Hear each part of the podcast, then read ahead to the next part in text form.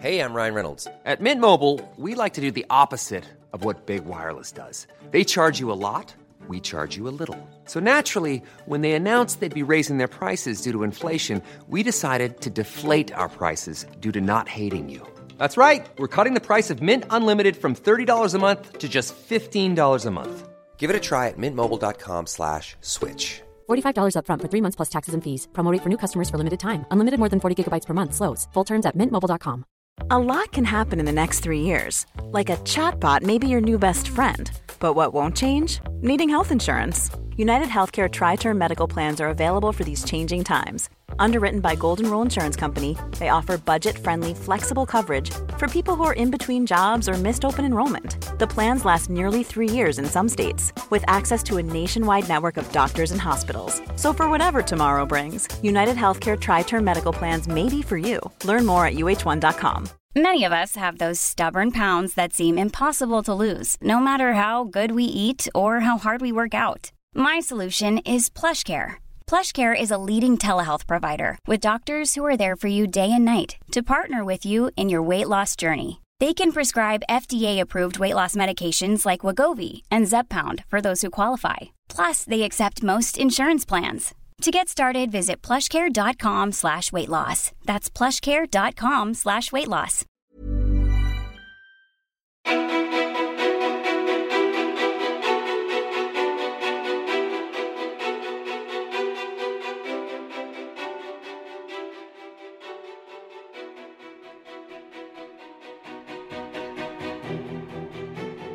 Asabia Britton gör succé på Instagram med sitt folkbildande konto om förlossningar, graviditet och första tiden med bebis.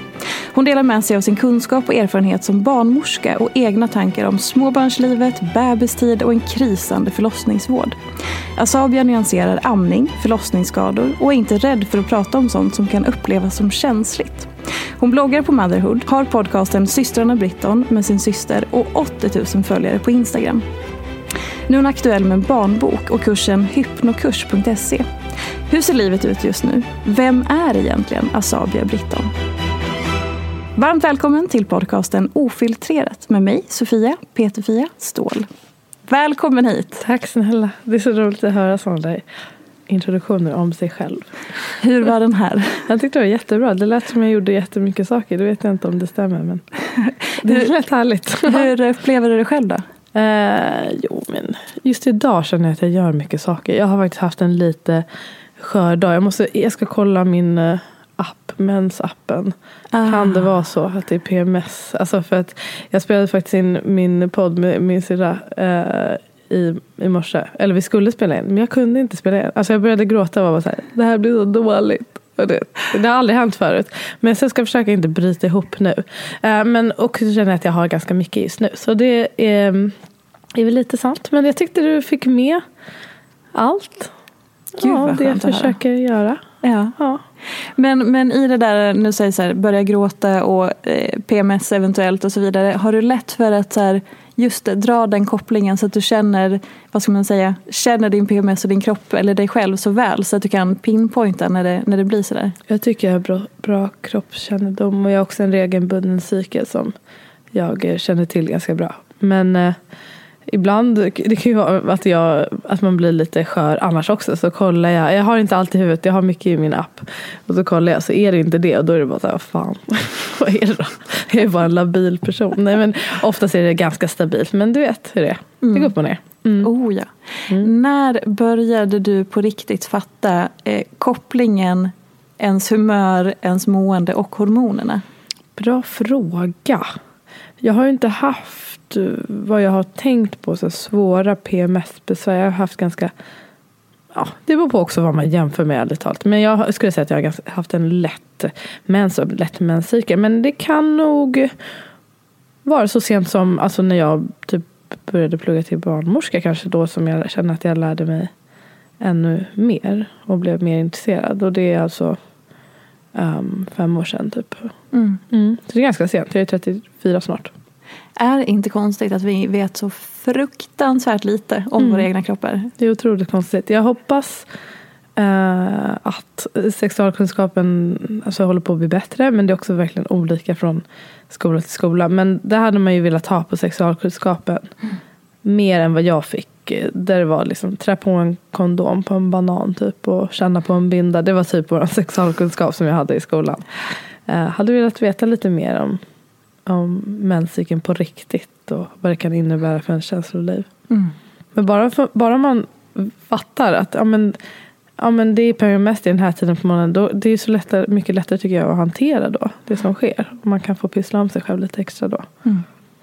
Hur, eh, så finns det någonting då som du, för en del pratar ju mer och mer om att man ska så här, anpassa livet efter sin menscykel. Som mm. att typ hur man tränar eller kanske hur man prioriterar att inte göra den där svåra pitchen den dagen och mm. så vidare. Använder du någonting sånt? Nej, jag, jag är lite för ostrukturerad tror jag för att hålla på med det. Men det låter väl vettigt om man är, orkar. Ja. ja. Och det är ingenting du är sugen på att börja med?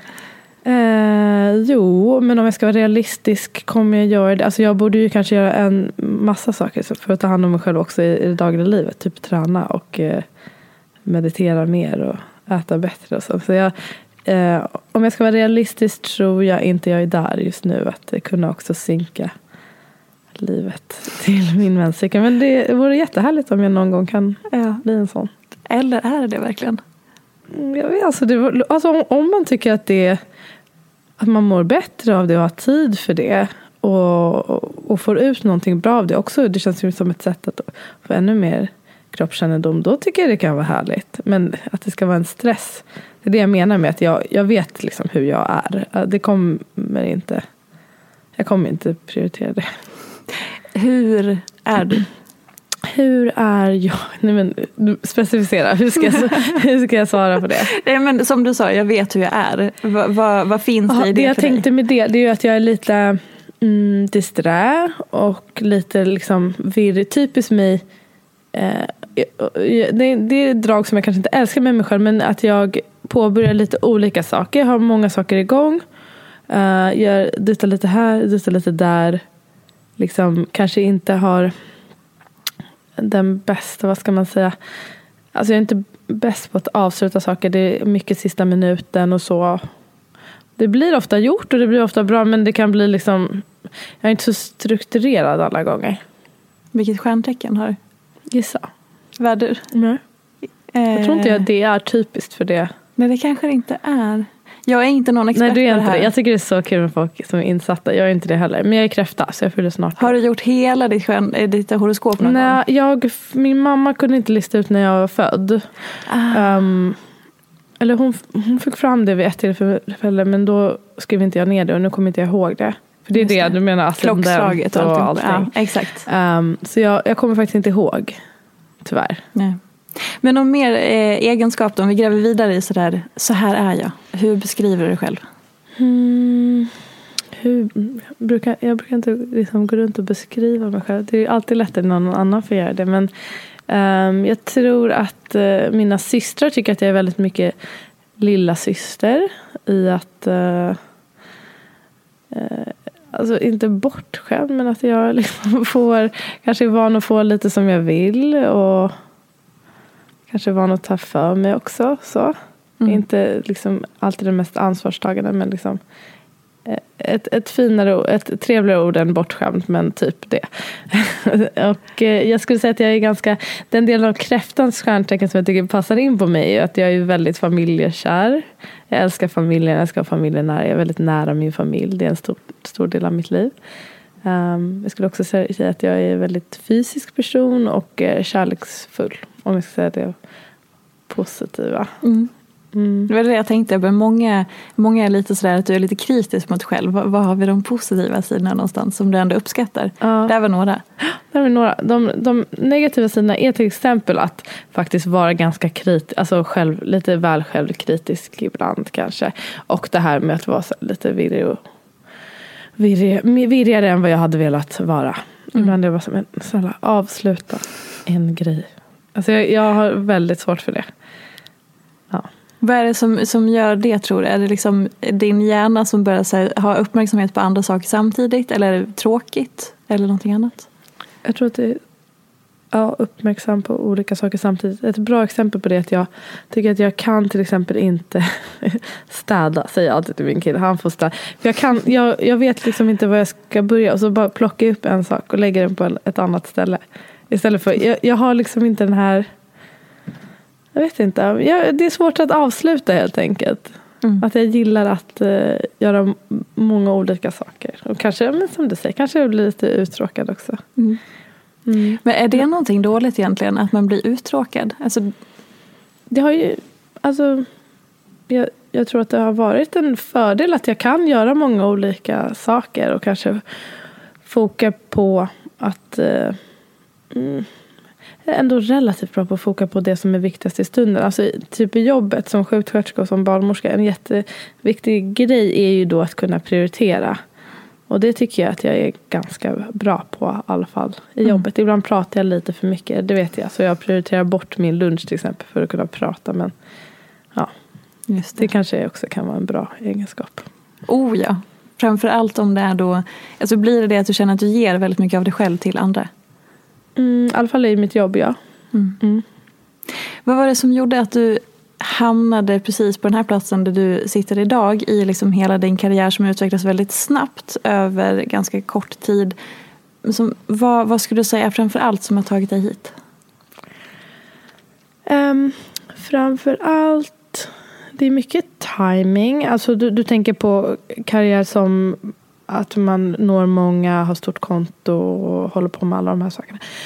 Um, ja, timing tror jag absolut. För att eh, när jag började skriva liksom lite mera informativt på Instagram så var inte det en grej på Instagram som jag, min känsla var inte det i alla fall. Då, då la man upp bilder på sitt privatliv. Och sen så nu är det ju någonting helt annat. Men jag tror att det faktum att jag var eh, kanske inte först, men en av de första kanske i alla fall i Sverige med att skriva om de här typen av frågor och ha lite mer kunskapshöjande konto tror jag spelade stor roll. Mm. Um, och att jag började skriva om det, det var inte så att jag hade tänkt att nu ska jag ha ett barnmorskekonto utan jag hade mitt vanliga konto där jag skrev om det som jag är intresserad av. Och så är det fortfarande. Det är därför det är liksom smink och förlossningar och uh, typ småbarnsliv.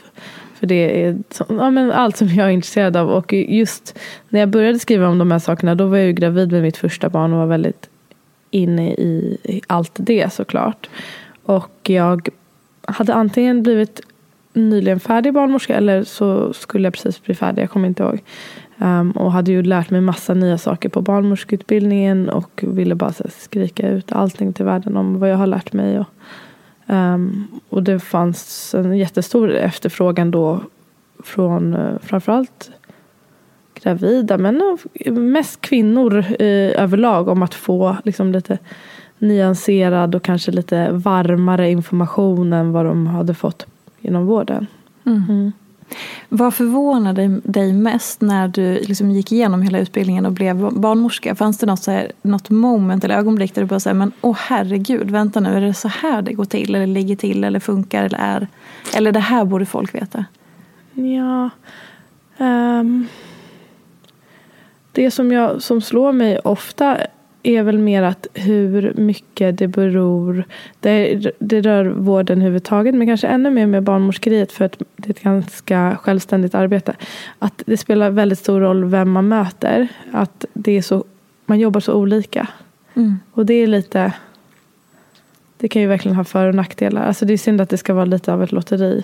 Det, är också, det handlar ju också om en vårdkultur, att olika kliniker jobbar på olika sätt. Men um, det är väldigt värdefullt på barnmorskeutbildningen att gå med olika människor. Folk kan göra helt olika. Och jag hade väl ett sånt så här, uh, aha moment med min numera vän till mig, Ida. Som jag gick med ett tillfälle på barnmorskeutbildningen och hon jobbade på ett helt annat sätt än vad jag hade sett någon jobba på. Um, och hennes sätt eh, har väl, har väl format hela mitt sätt att vara barnmorska på. att Eh, uh, grundar sig liksom tillit till den födande eller den gravida och att uh, våga ta ett steg, steg, tillbaka när man ser att allting liksom fortlöper som det ska och att inte se sig själv som den centrala i rummet utan att uh, alltså det här handlar inte om mig och att man kan låta saker ta tid och Så. Hon, när det, efter det passet så fick jag en, det var en riktig ögonöppnare att det här kan gå till på ett helt annat sätt än vad jag sett andra jobba på. Att man ska göra saker hela tiden. Så, så någon, någon slags egen liksom, eh, fokusförflyttning och att, eh, blir det då att personen i rummet och den födande mamman blir liksom stärkt i att hon kan mer och inte hela tiden behöver förlita sig på er? Liksom, ja, och det är ju en finkänslighet. Ibland, vissa behöver jättemycket hands-on eller behöver det här handfasta stödet. Och det, det får man ju också känna av. Men att man inte bara måste vara där och göra och prata och pilla bara för att. Alltså att man på riktigt kan ha till, tillit till den som föder, om det nu är förlossningen, men också på eh, gravida och deras intuition. Att man kan liksom, jag vet inte, att ha, ha lite mer tillit och inte hela tiden luta sig tillbaka på bara riktlinjer och att, eh, att att vara en bra barnmorska handlar inte bara om att man ska göra hela tiden så mycket. Det kan också handla om att ta ett steg tillbaka. Mm. Titta på. Jag tror, om jag minns tillbaka, att första gången jag kom in på ditt konto så var det just när du födde i vatten. Mm. Eh, kan du berätta lite om det? Mm, det var min andra födsel, uh, min andra son och det var ungefär ett och ett halvt år sedan.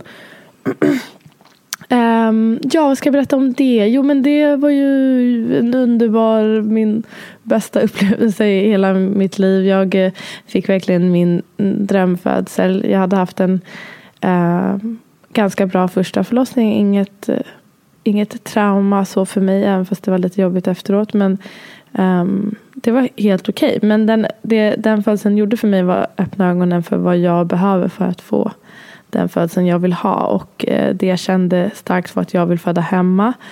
Och eh, jag vill inte behöva gå upp ur vattnet när jag föder. Och så, så fick det också bli. Jag hade förutsättningar för att det skulle bli så. Så jag hade tänkt föda i förlossningspool och vi höll på att blåsa upp den där. Um, tills barnmorskan sa till min kille då, min syrra som höll på att blåsa upp den, att det här kommer gå undan. Ni kan släppa det där med mm. poolen. Den kommer i badet. Så han kom i badkaret hemma hos oss. Det gick jättebra. Gud, alltså det är så, det väx, jag kan tänka mig att det är många som har väldigt mycket frågor. Just det där, för att som, när, när man har sett videon eh, som du har postat på, på ditt konto eller mm. man kanske känner till eller har sett olika saker. Så här, det låter hur drömmigt som helst. Mm. Ehm, och det såg ut som att det var väldigt så här, fint och kärleksfullt och lugnt och tillit verkligen. så. Mm. Och sen så kommer man från någonting annat och så här, hur, alltså för mig då så tänker jag att det är ett så stort kliv från att man är, kanske kommer som en förstföderska, ganska osäker eller så och sen så ska man gå från det till att våga ta de där stegen. Att just föda hemma ja. eller? Ja, uh, ja precis. Och så, ja, man ska ju, jag rekommenderar ingen att föda hemma som inte vill föda hemma. Det är ju en stor faktor att man ska vilja det. För hela grejen är ju att det ska boosta tryggheten som man vet är gynnsamt för att födandet ska få gå framåt. Um, så det är inte för alla. Om man inte känner sig tryggare med att föda hemma då ska man inte göra det. Men jag kände väldigt starkt att det är där jag är trygg. Och jag känner ju snarare nu och det här gäller inte heller alla. Jag vill inte, det, det är inte alls meningen för att skrämma dem. Men jag känner snarare jag skulle tycka att det var väldigt jobbigt att föda på sjukhus. tror jag nu. Eller då, det skulle kräva väldigt mycket förberedelse för mig mentalt att göra det. För det, för mig är det så många blockar där. Det är så mycket som kan göra att det inte blir den upplevelse som jag vill ha. Hemma Um, dels så vet jag ju om all forskning kring hemfödsel och vem det passar och inte. Och jag var perfekt kandidat för det med min som omföderska och frisk och friskt barn. Jag hade två erfarna barnmorskor med mig som jag också känner. Jag hade med mig all, alla stödpersoner jag ville ha. Jag behövde inte göra, jag visste att någon inte skulle liksom pracka på mig någon intervention. Jag visste att jag skulle få göra allting helt själv och som jag ville. Och jag visste också att både jag och mina barnmorskor eh, har förmågan att bedöma om vi måste liksom gå upp en vårdnivå. Det är ju det hela tanken med att föda hemma, att man väljer rätt vårdnivå. Alltså det, är inte, det behöver inte alltid vara beredskap för akut sjukvård och högintensiv vård. Liksom. Och jag, om det är normal, förväntan normal födsel uh, med förväntat normalt utfall, då är det ju mm, om man pratar risker, då är det ju mindre risker på många sätt att föda hemma. Och det Mm. vet jag om. Men det är som sagt, om man nu vill. Mm. Det är inget tvång att föda hemma. Vissa tänker att man är att man propagerar för att alla ska föda hemma. Så är det såklart inte. Nej. Återigen allt det där, allt eller inget, det finns bara två alternativ. Och det är ju det som man hade velat, att det fanns fler alternativ. Mm. Och också ett mellanting med små, mindre Mm. barnmorskeledda enheter. vore ju toppen. Så att det inte bara är på de flesta ställen är det ju bara valet då högintensiv vård. Men om man kunde få också föda hemma kanske. Och, eller på mindre hemlik miljö fast nära sjukhus till exempel. Jag såg någon eh, rubrik som eh, åkte förbi häromdagen om en kvinna som hade fött i havet. Har du sett det? Mm. Vad är dina tankar om det? Jag känner som sagt inte till mer att den rubriken plockade, ploppade upp någonstans. Eh, alltså jag, bara, jag vet inte ens sett rubriken men jag såg, ehm, jag såg det i mitt flöde. Ehm, ja, jag hade inte velat göra det men kör typ. Jag, tycker, jag, jag, jag försöker att tycka ganska lite om folks val av hur de vill föda sina barn. Och jag, jag upplever att i de allra, allra flesta fall så kan kvinnor göra den bedömningen vad som är bäst för dem själva. Eh, det, jag tänker, man, har ju, man får upp lite risktänket och är det inte kallt och salt och allt sånt där. Um, men det verkar ju ha gått bra. Det är lite som när jag fick höra om hemfödsel också för första gången på barnmorskeutbildningen. Eller jag hade väl hört om det innan men inte på ett nyanserat sätt. Jag tyckte också att det var lätt skumt och Mm. riskfyllt och lite onödigt. Tills jag var mer påläst och, ville Hur- det själv. Hur eh, mycket åsikter får du till dig som du inte har bett om? Om just det eller överhuvudtaget. Överhuvudtaget. Eh, ja, men gud, ja, ganska mycket. Ja. ganska mycket. Men det är väl alltid så om man har ett ganska stort konto. Särskilt när man pratar om saker som berör på olika sätt. Som föräldraskapet berör ju verkligen. Och graviditet och amning och födsel också berör ju verkligen. Men på det stora hela har jag väldigt trevlig följarskara. Men absolut att det åsikter kommer. Och hur hanterar du dem då? Eh, det har jag blivit, det, det har jag liksom fått KBT bort lite. Dels har jag haft problem med att få kritik. Jag tyckte jag var jättejobbigt i början, även om det var ganska Alltså mer som feedback. Alltså jag tyckte det var jättejobbigt att man skulle bli bedömd för det man sa och rättad hela tiden och så. Men eh, nu kan jag ta det mesta med. Jag tar det för vad det är. Ibland håller jag med, ibland inte.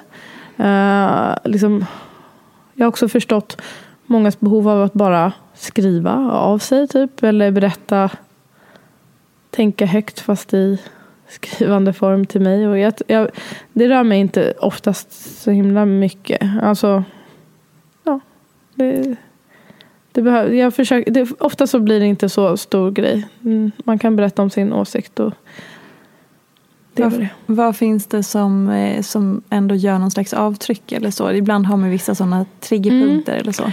Ehm, det var nog rätt länge sedan. Men jo, en grej om jag tänker på mitt senaste. Alltså det är väl sånt som rör mina barn. Ehm, dels eh, när jag skrev en del om att jag ammade ganska länge med mitt äldsta barn. Jag ammar min lilla nu också. Men jag, i, min, I mina ögon är han fortfarande så himla liten. Andra, andra tycker ju typ att han är stor för att amma. Men eh, där kunde jag få en del kommentarer men som var rent ut sagt elaka. Alltså om att jag ammade lä- länge. Och det tyckte jag var jätte, jättejobbigt. Och det var också en anledning en av anledningarna till att jag slutade om jag ska vara, att jag slutade amma om jag ska vara helt ärlig med mig själv. Och det tycker jag fortfarande är jättesorgligt. Ehm, men eh, häromdagen så la jag upp något med mina barn där de stod i fönstret. Vi bor på fjärde våningen och vi har stora fönster som de kan klättra i dem. För man kan gå upp från soffan och klättra i dem.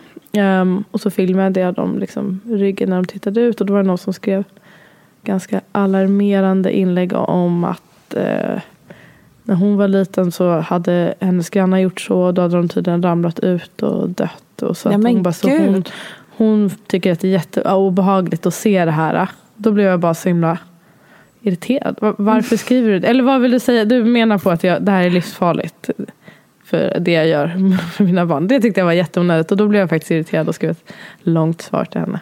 Att jag inte vill jag vet inte vad det, det meddelandet var till för. Liksom. Fick du någon respons? Ja, men jag kollade inte på det. Jag orkade inte. Nej. Jag blev irriterad. Jag vill inte prata med jag, vill inte prata. jag, jag kände att jag, jag lämnar det där. Ja. Man behöver inte heller hålla på fram och tillbaka så himla mycket. Nej. Jag, mm. Nej, jag, det, ibland kan man bara påminna folk också om att man, man behöver inte säga allt man tänker. menar du det? Det är svårt att... Det måste man påminna om ibland.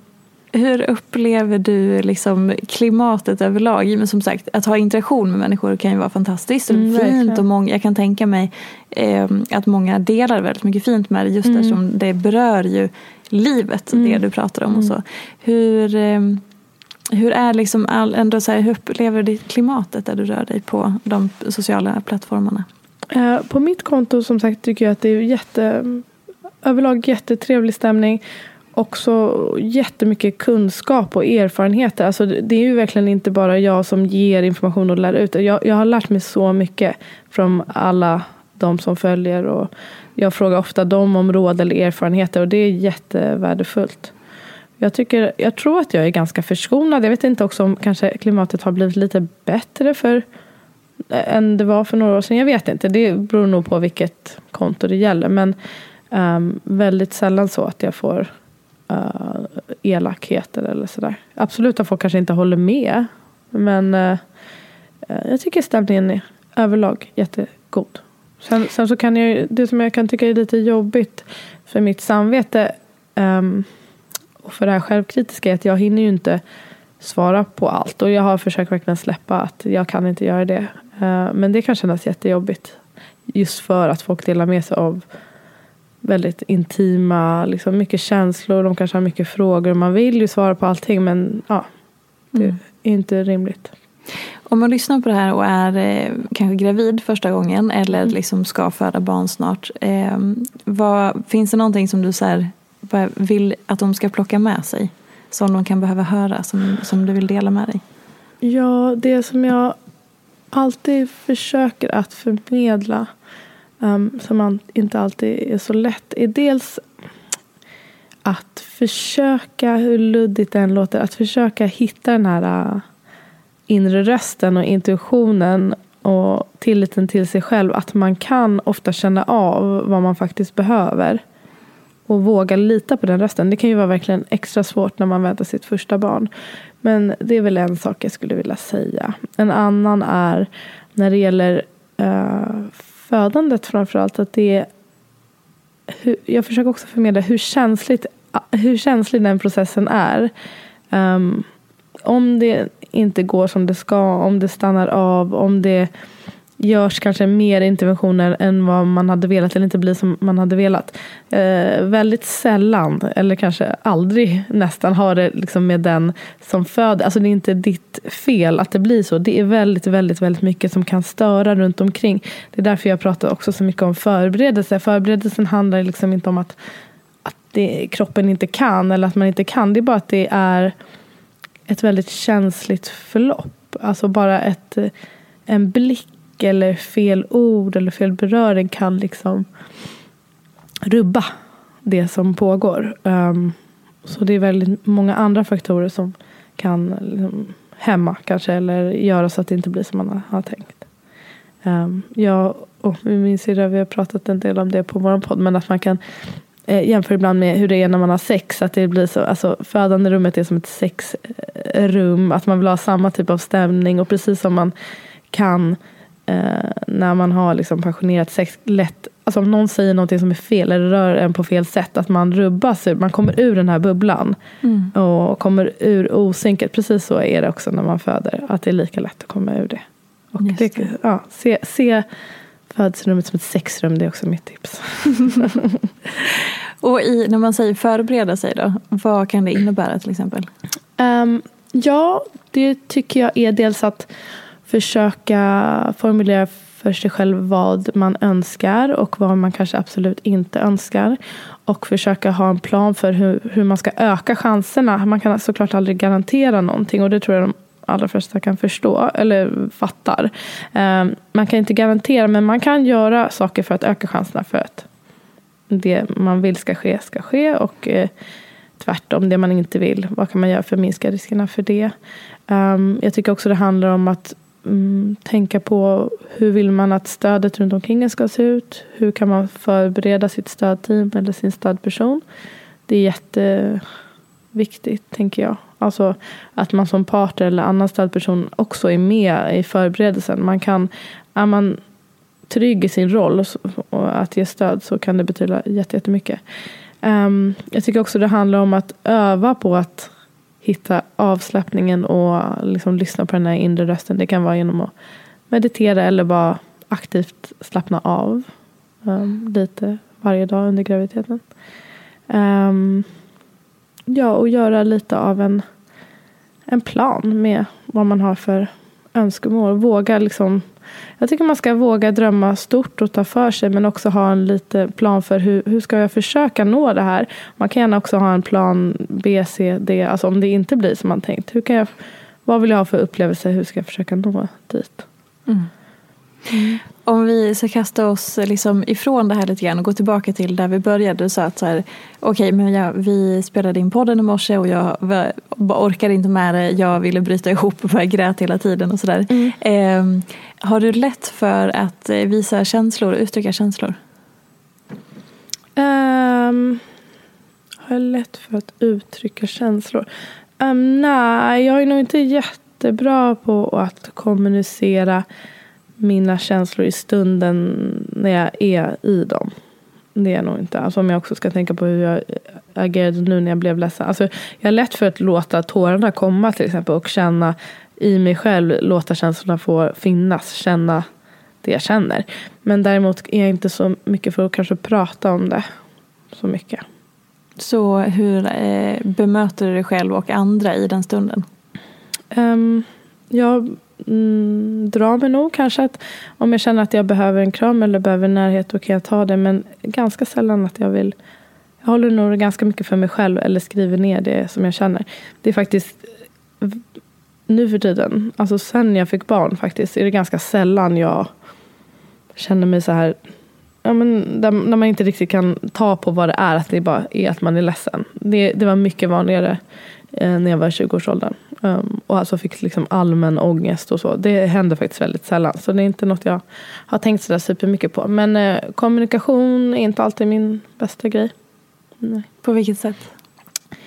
Ja, men bara att jag inte är så bra på att mm, alltid säga vad jag tycker och känner. Och eh, jag vet eh, att mina systrar kan tycka att när det väl kommer fram att det kanske um, jag kan uppleva att det, tas, att det jag säger låter hårdare till exempel än vad, jag egentligen, än vad det egentligen är. Om, jag ska ge, om det ska vara någon kritik till någon annan. Eller kritik. Om jag känner att någon har gjort någonting fel mot mig då kanske jag tänker att jag lindar in det jätte, jätte mjukt och fint och att det inte är så stor grej. Och så tas det emot tas det ofta emot på fel sätt. Så då antar jag att då är det jag som förmedlar fel. För det gäller inte bara en person det är så för utan det är flera som, som inte tar det på rätt sätt. Eller så som jag hade tänkt mig.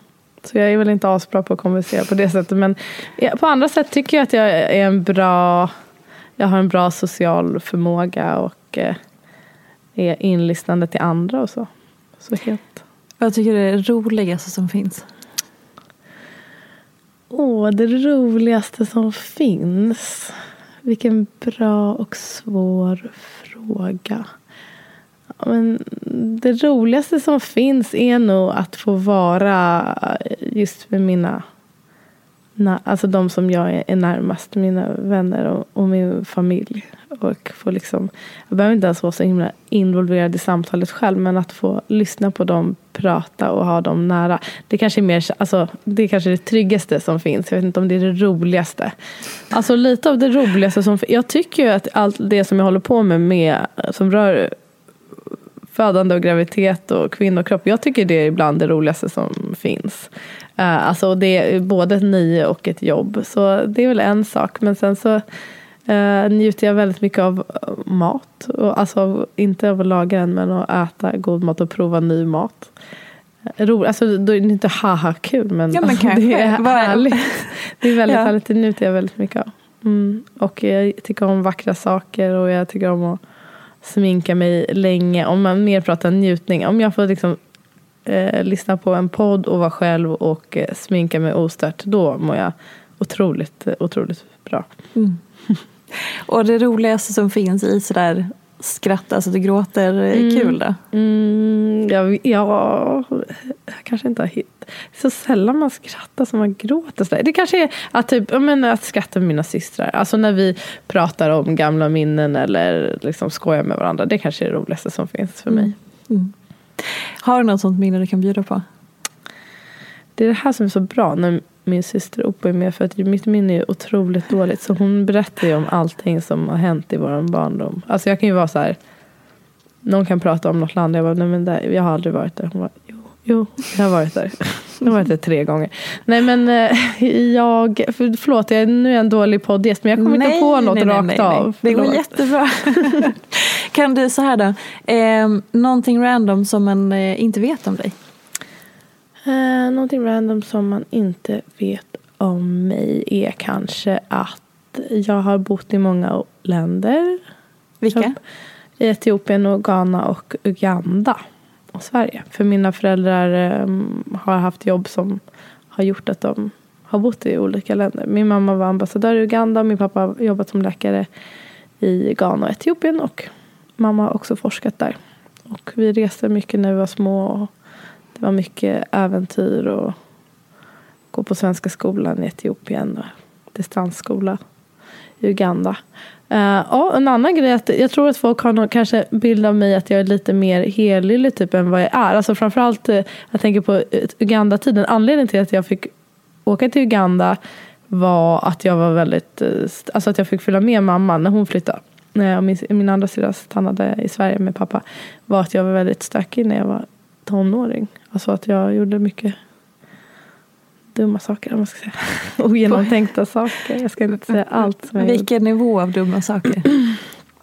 Jag hamnade inte på liksom, um, ungdomsfängelse men det är ju för att man inte åkte fast för vissa. Alltså jag, absolut att, man hade kunnat, att det hade kunnat bli den nivån. Alltså, det är väl preskriberat sådana saker. Ja. Men, jag, men var det för kicken ni gjorde det eller? Mm, ja, det var nog mer grupptrycket ja. som jag gjorde. Mm. Och, eh, men drack för tidigt och festade kanske för mycket med lite för gamla killar. Och så, det, som man inte önskade. Alltså jag, jag var 13 going on 35 tyckte jag. Alltså jag, jag var redo mm. att dra och göra min egen grej. Mm. Så min mamma var ganska orolig för mig där en tid. Och hon verkligen kämpade jättemycket med mig. Och det är jag så tacksam för. Så vad hände med dig när ni flyttade iväg då? När du liksom det var faktiskt paus? jättebra. För jag, blev inte, jag var inte så taggad på att flytta iväg. Men anledningen var för att hon ville väl att dels ha koll på mig men också att jag skulle bryta kontakten med vissa av mina vänner som jag hade um, här i Sverige. Uh, och det var ju inte jag så pepp på. Men det blev också så. Jag tappade kontakten med dem och fick väl lite mer fokus på mig själv och studier och så. Och um, det var jätte bra för mig. Jag tror att efter det så landade det ganska mycket och kom bort från det här. Och mycket handlade också om att jag var inte så snäll helt enkelt. Framförallt mot min familj. Jag försökte stöta bort dem väldigt mycket. Dum fråga, men varför då? Eller så? Jag tror att det bara var, um, om jag ser tillbaka till det så kan jag sällan, det är mycket som jag inte kan relatera till. Alltså det är som att det tänker tänka på en annan person. Jag, dels tror jag att jag var jätteosäker, eller jag, jag var väldigt osäker. Dålig självkänsla och ett behov av att också frigöra mig från familjen som man ju kan ha när man är tonåring och i puberteten men kanske i mer eller mindre utsträckning. Och så hade jag ett jättestort bekräftelsebehov. Som jag fick från killar framförallt. Mm. Och när du ser tillbaka på den tiden och så här, om den där flytten inte hade skett. Vad mm. tror du? Det är omöjligt att veta såklart. Men vad tror du att du var på väg någonstans? Det, det, det som var verkligen bra var att mamma hon, jag kände verkligen hela tiden att hon kommer liksom inte ge upp uh, på mig. Hon, hon tjatade så mycket på mig om diverse. Och, um, men hon sa också ofta det att jätte, jätteofta det att det finns ingenting du kan göra för att jag kommer att ge upp på dig eller sluta älska dig. Och det var jättevärdefullt. Så jag tror kanske att jag hade kommit ur det på något sätt ändå. Bara av att bli äldre. Men det som hade kunnat gå illa hade väl varit om jag till exempel hade blivit eh, väldigt ung mamma. Hade skulle kunna blivit så. Eller att um, Alltså vem vet, liksom droger, alltså om det hade gått dåligt med man blev missbrukare. Eller, alltså det hade, det är, mycket tur har jag ändå haft att det gick så bra som det gjorde. Mm. Mm. Är det någonting som, vad kan du plocka med dig i ditt eget föräldraskap med tanke på de erfarenheterna och, och som din mamma då ändå uttryckte väldigt stark kärlek och, och eh, som emotionellt stöttade dig så? Det kommer jag absolut ta med från henne. Att visa och uttrycka min kärlek i ord och min, alltså, visa att den är villkorslös. Det var verkligen jag tänker ofta på det och det var jätteviktigt för mig. Min pappa hade inte riktigt den förmågan att visa det. Jag tror han blev, mer blev rädd för mig. Alltså, det var så främmande för honom att ha den här. Han är också äldre och en äldre vit man och han, jag tror han kände att jag var som en alien typ. Som också en bomb som när som helst kan smälla och man är bara livrädd. Um, men mamma vågade liksom vara närvarande och det vill jag våga vara. Men det som jag kommer ta med mig är att berätta för mina barn om de här misstagen och snedstegen och eh, felbedömningarna. Alltså att jag vill visa mig mänsklig. För jag vill att de eh, i högre utsträckning ska våga vara öppna med mig. Jag vågade inte riktigt vara det trots att mamma var så här. Eh, och det tror jag hade varit bra om jag hade en vuxen som jag kände att jag kunde prata lite mer öppet med. Det hade jag typ på ungdomsmottagningen. Det var, där jag också, det var mitt första möte med vuxna eh, egentligen där, man, där jag kände att jag kan prata helt öppet om, om sex och sådana saker. Um, kanske, jag tror att det var där kanske såddes något frö om att det här jobbet också tycker jag verkar väldigt härligt. Att vara en sån här vuxen person. Mm. Mm. Hur upplever du så vuxenlivet överlag? Älskar, alltså mycket mer än att vara jag tycker det blir verkligen bättre och bättre. Jag känner mig lugnare i mig själv eh, för varje år. Jag känner att det jag är nu. Jag känner mig fri. Alltså, jag, jag, är, jag tycker livet är toppen faktiskt. Jag, om det skulle sluta här och nu hade jag varit väldigt ändå glad med allting som jag har fått. Jag älskar att ha, jag älskar att vara mamma mycket mer än vad jag hade trott. Um, jag älskar liksom våran lilla familj. Jag älskar att, man, att jag är en man, ska jag inte säga, men att känna sig trygg i sig själv. Och just när jag pratar om det här med bekräftelsen, att jag har inte säkert att man har lite, alla som har typ ett stort Instagramkonto, man har väl lite också bekräftelsebehov som är lite speciellt. Men det är absolut inte på samma sätt att jag söker det utifrån. Jag känner mig bara mycket tryggare. Och det hoppas jag att de flesta vuxna kan känna. Mm. Känner du tyngd av vuxenlivet någon gång? Det var just det här att det är mycket krav på en. Men om jag jämför det med tyngden av att eh, det som jag upplevde som yngre, framförallt 20-årsåldern, det här sökandet. Att jag kände mig så, att jag var på väg någonstans men lite oklart vart. Att jag liksom inte var där jag ville vara. Jag väntade hela tiden på det som skulle komma. Och eh, för min del framförallt mycket kring, alltså det var för mycket fokus på killar och vad de, mina pojkvänner, vad de tyckte och kände och eh, mycket kring det. Att, att det är borta väger upp så himla mycket mer. Så absolut att det inte är helt lätt och föräldraskapet är absolut inte helt lätt. Eh, men på det stora hela tycker jag att det är lättare än vad det var. Mm föräldraskapet, om vi bara så här, går in lite grann i den. Som sagt, mm. det är mm. inte helt lätt. Och småbarnsåren och behålla sin relation och behålla sin person och sin identitet och allt det där. Mm. Vad tänker du spontant om den stora frågan som det ändå är?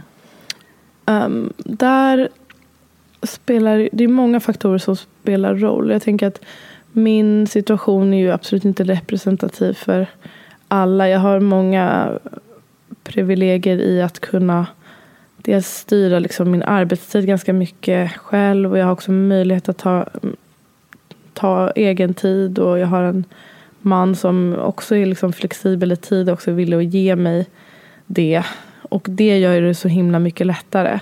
Alltså det är något annat om man till exempel alltså om man är, hade varit ensam förälder. Alltså då, eh, ja, det finns inga jag imponeras av mer än alltså självstående föräldrar. För det måste vara otroligt. Mm. Alltså jag, jag har ett stort behov av att bara, ibland, det kan ju vara mikro, alltså jag måste bara gå in i rummet nu i sju minuter och andas. Och så kan jag vara en bättre mamma efter det. Men om jag inte får de sju minuterna så blir jag inte, då blir jag inte den mamman som jag vill vara. Mm. Men eh, ja, sen gäller relationen. Där tycker jag antingen så briserar nog den eller så kan den växa från att bli ett team. För vår del skulle jag säga absolut att det har växt och så att man har förståelse för att det här är en speciell tid just nu. Det är inte som det var tidigare men det är okej för vi har också en tanke om att vi ska vara ganska länge och det kommer nya faser och nya tider. Mm. Um, att inte ställa allt för höga krav på varandra utan mer uppmuntra varandra. Är key. Och det du sa om att du inte är så eller att du känner att du inte är så bra på att kommunicera och sådär. Hur, mm. hur, hur går det liksom i linje med allting som du för att ändå få ihop allting och att du känner att du får det du behöver? Ja, I min relation så det, det har också varit en knackigt. Alltså vi har varit ihop nästan tio år och det har ju hänt jättemycket på de tio åren. Jag var ju tidig 20-årsåldern när vi träffades och då kan man ju säga att kommunikationen var bristfällig. Alltså det har varit, den har verkligen byggts fram och det har gått upp och ner. Det har ju varit kriser och man har kommit igenom det och växt tillsammans. Men det som vi är väldigt bra på är just det här med att ge varandra både tid och eh, den här lilla uppmärksamheten bara och lilla uppmuntran. Och jag känner verkligen som att vi är ett, ett eh, lag. Mm. Mm. Gud vad fint. Ja, men det har ju krävts jättemycket jättemycket arbete. Mm. Alltså under, ja, som sagt under tio års tid. Vad tror du är, eh, eller så här, vad utmanas du av i livet just nu? Um, att få tiden att räcka till. Um, jag utmanas lite av det dåliga samvetet i att inte tycker att jag gör tillräckligt för mina barn framför allt. Alltså att även fast jag vet att jag, jag hämtar tidigt och jag är med dem ganska mycket om man jämför med kanske vad många andra har möjlighet till. Men jag har ändå det här gnagande dåliga samvetet alltid när jag lämnar dem på förskolan och så. Jag har ganska svårt för liksom, systemet så som det ser ut. Samtidigt så hade jag inte heller orkat ha, alltså jag orkar inte ha dem hela tiden. Det är också skönt på ett sätt men då kan jag också få dåligt samvete eh, för det. Men det är väl det att känna sig tillräcklig um, ja, och göra tillräckligt för alla. Att jag känner mig ibland också dragen åt många olika håll och man vill uh, göra, jag vill göra folk nöjda, inte um, säga ja till så mycket som möjligt som är kul och som kan vara bra för andra men samtidigt inte liksom bre ut mig själv för tunt. Och att både ta hand om mig själv men också känna mig tillräcklig. Det är väl det som är lite balansgång. Men jag brukar försöka komma tillbaka till att prio för mig just nu är dels mitt eget välmående men framförallt min familj. Att de, jag har två väldigt små barn och att den här tiden är kort. Liksom. Mm. Att jag jag prioriterar bort ganska mycket annat för dem. Vad behöver du ge dig själv den här närmsta tiden?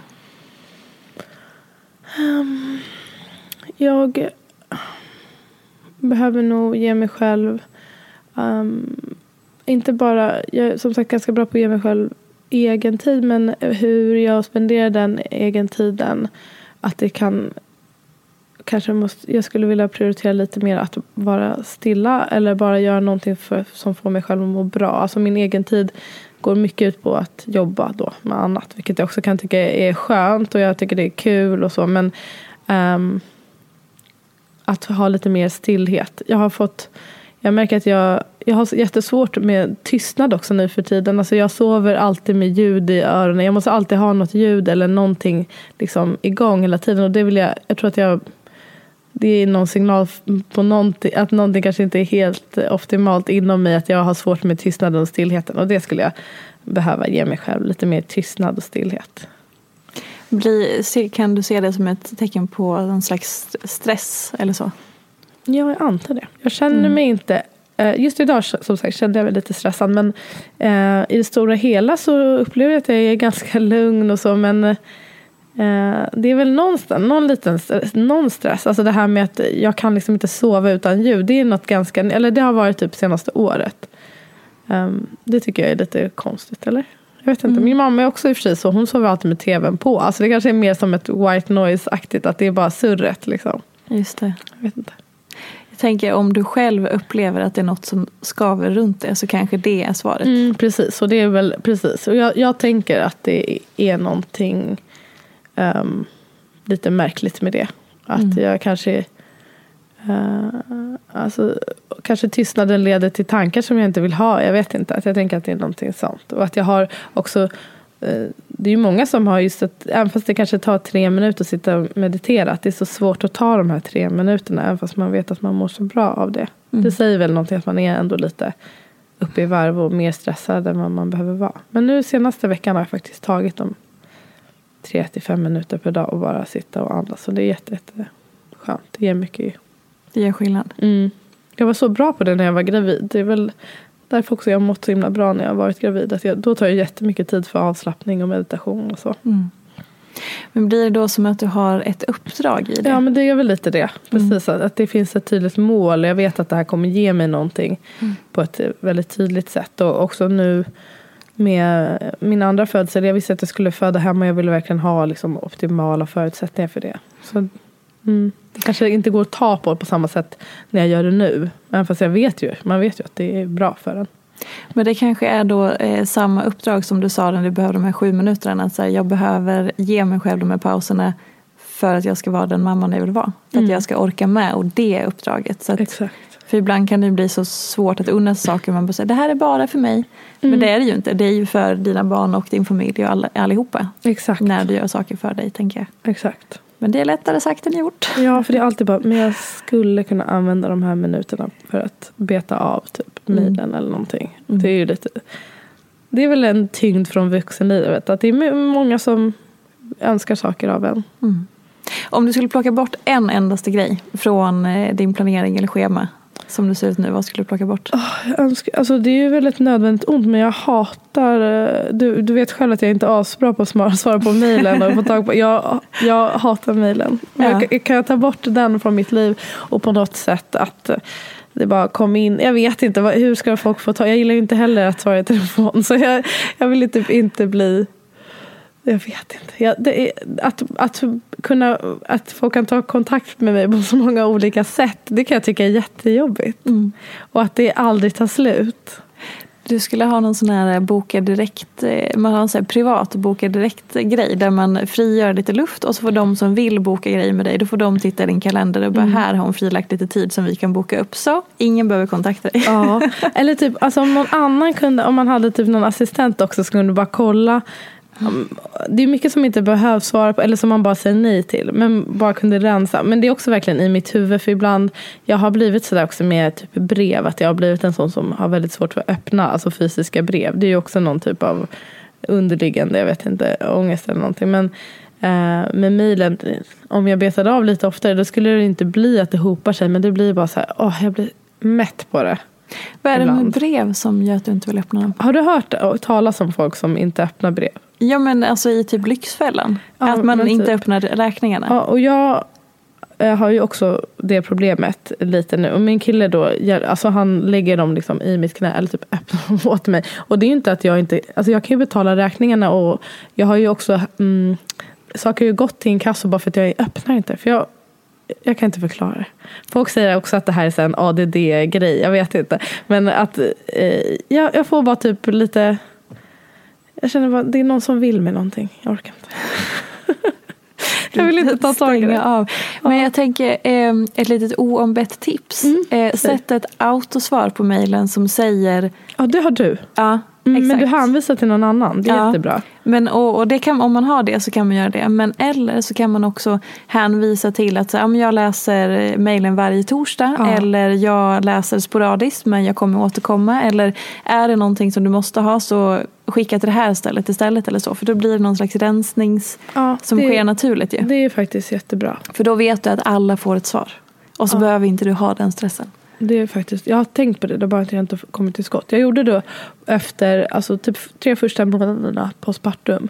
Då skrev jag att jag inte kommer hålla på och kolla mm. mejlen. Jag kommer bara kolla sporadiskt. Men då Exakt. försökte ju folk liksom jaga en på andra sätt. Men det är faktiskt ett bra tips. Ja men kanske. Och så eh, man kan ju också på stories kan man stänga av att folk ska svara. Jag vet, jag gjorde det ett tag. Men samtidigt det är inte, det är inte svartvitt. För jag tycker också det är ju det trevligaste också ja. med typ Instagram.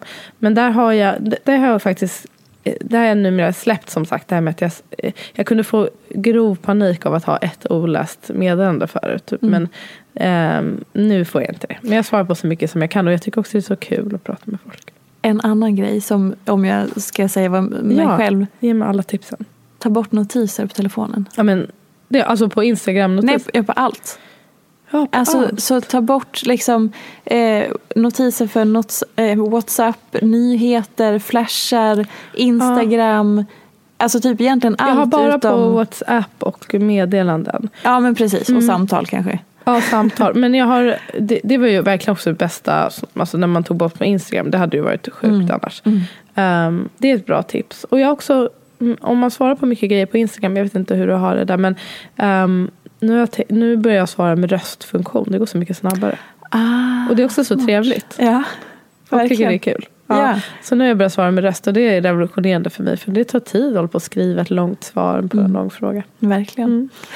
Gud vad roligt. Okej, men så eh, nästa gång om vi ses igen så kanske du säger nu har jag slutat sova med ljud i öronen och det mm. känns så befriande eller någonting ja, sånt. och jag kanske har börjat öppna brev och ja. så, blivit en strukturerad person. Men jag tror också det här har med småbarn, alltså man är ju också alltid, jag har en ett och ett halvt åring och en fyraåring, det är väldigt livat hemma hos mig. Det är mycket hela tiden. Så det är typ, jag kanske bara inte, det kanske är en trygghet för mig någonstans också att det är saker hela tiden, att jag inte är van. Ja. Det ska vara tyst. Om eh, vi ska ta avrunda mm. och du ska få den sista frågan som mm. alla gäster får. Det enda du inte får säga är Instagram. Annars är det fritt fram att tolka. Eh, vad är inte som det ser ut? Jag tänker spontant, det första jag kommer att tänka, det är väl väldigt mycket som inte är som det ser ut. Alltså jag tänker hur folk, vad man visar utåt. Man visar ju inte sitt inre jag. Så att jag, mm. jag tänker människor är inte som det ser ut på många sätt. Men jag tänkte mer på eh, relationer, kärleksrelationer tror jag att många jämför en relation på det de ser utifrån. Att åh, varför inte, gör inte vi det och det? Och där tror jag, vet jag, att det finns ju jättemycket bakom stängda dörrar som man inte vet någonting om. Mm. Ja, det skulle jag säga. Mm. folks, folks relationer är nog inte som det ser ut på gott och ont. Mm. Är det något speciellt du tänker på? Nej men bara, alltså jag vet inte, jag tänker mer på att i huvudtaget att jämföra sig med uh, hur man tror andras liv är, är ju att göra sig själv en stor otjänst för att man vet ingenting om det och folk har helt olika förutsättningar och önskemål och liv. Alltså det är inte, det är inte lönt, håll inte på och jämför dig. Det, det är också en skön grej med äldre, bli äldre. Ja. Jämför mig faktiskt inte med någon. Bra, kloka avslutande ord. Och eh, kan du bara nämna du, din nya barnbok, berätta om den och var vi hittar den någonstans. Ja, vad roligt. Jag, det är också en, eh, gud, jag, är verkligen, jag tror att jag är lite extra ängslig idag faktiskt. Men det är jättejobbigt att ha en barnbok ute för nu blir jag så här, är den ens bra? Men jag tror att den är bra. Jag tycker den är väldigt trevlig. Um, den heter Hur blev jag till och hur kom jag ut? Och det är en bok om, eh, ja precis som titeln säger, alltså hur man kan göra barn och hur man kan föda barn. Och även om omslaget ser ganska så här heteronormativt och kärnfamiljsaktigt ut så är den ju, ambitionen har ju verkligen varit att den ska vara inkluderande. Så vi tar upp olika sätt att göra barn och att föda barn på. Mm. Uh, och den, passar, den är riktad till 3 till 6-åringar. Jag skulle säga att den passar kanske lite det övre spannet men även äldre barn. Och om det är lite mindre barn så kan man ju foka mer på bilderna. Mm. Den är ganska rätt fram men om man tycker att det är för pinsamt så bara kan väl barnen kanske inte läsa så man bara hoppar över den meningen. Men mm. lika bra att köra när de ändå är så himla öppna och inte tycker det är pinsamt själva. Gud ja. Och sen så hypnokursen. Hypnokurs.se är en digital, alltså en ljudkurs eller vad man ska säga som jag har med min eh, syster som är doula.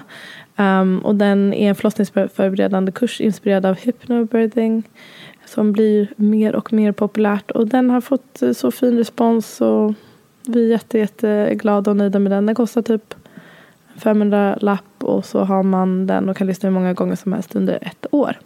Och vi, håller på, vi kommer snart utöka med en postpartum-del och en amningsdel också.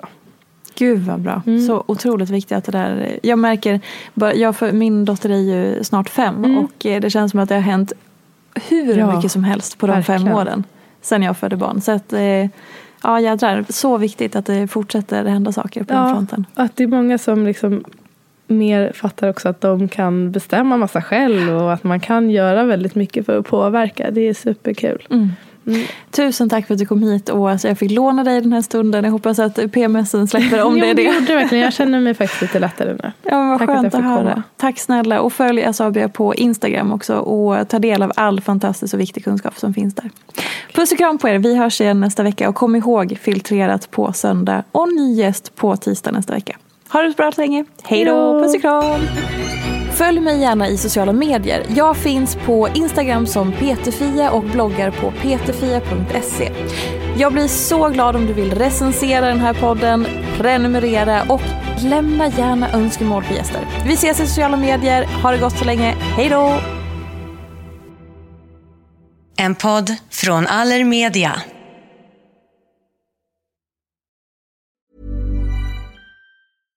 Flexibility is great. That's why there's yoga. Flexibility for your insurance coverage is great too. That's why there's United Healthcare Insurance Plans. Underwritten by Golden Rule Insurance Company, United Healthcare Insurance Plans offer flexible, budget friendly coverage for medical, vision, dental, and more.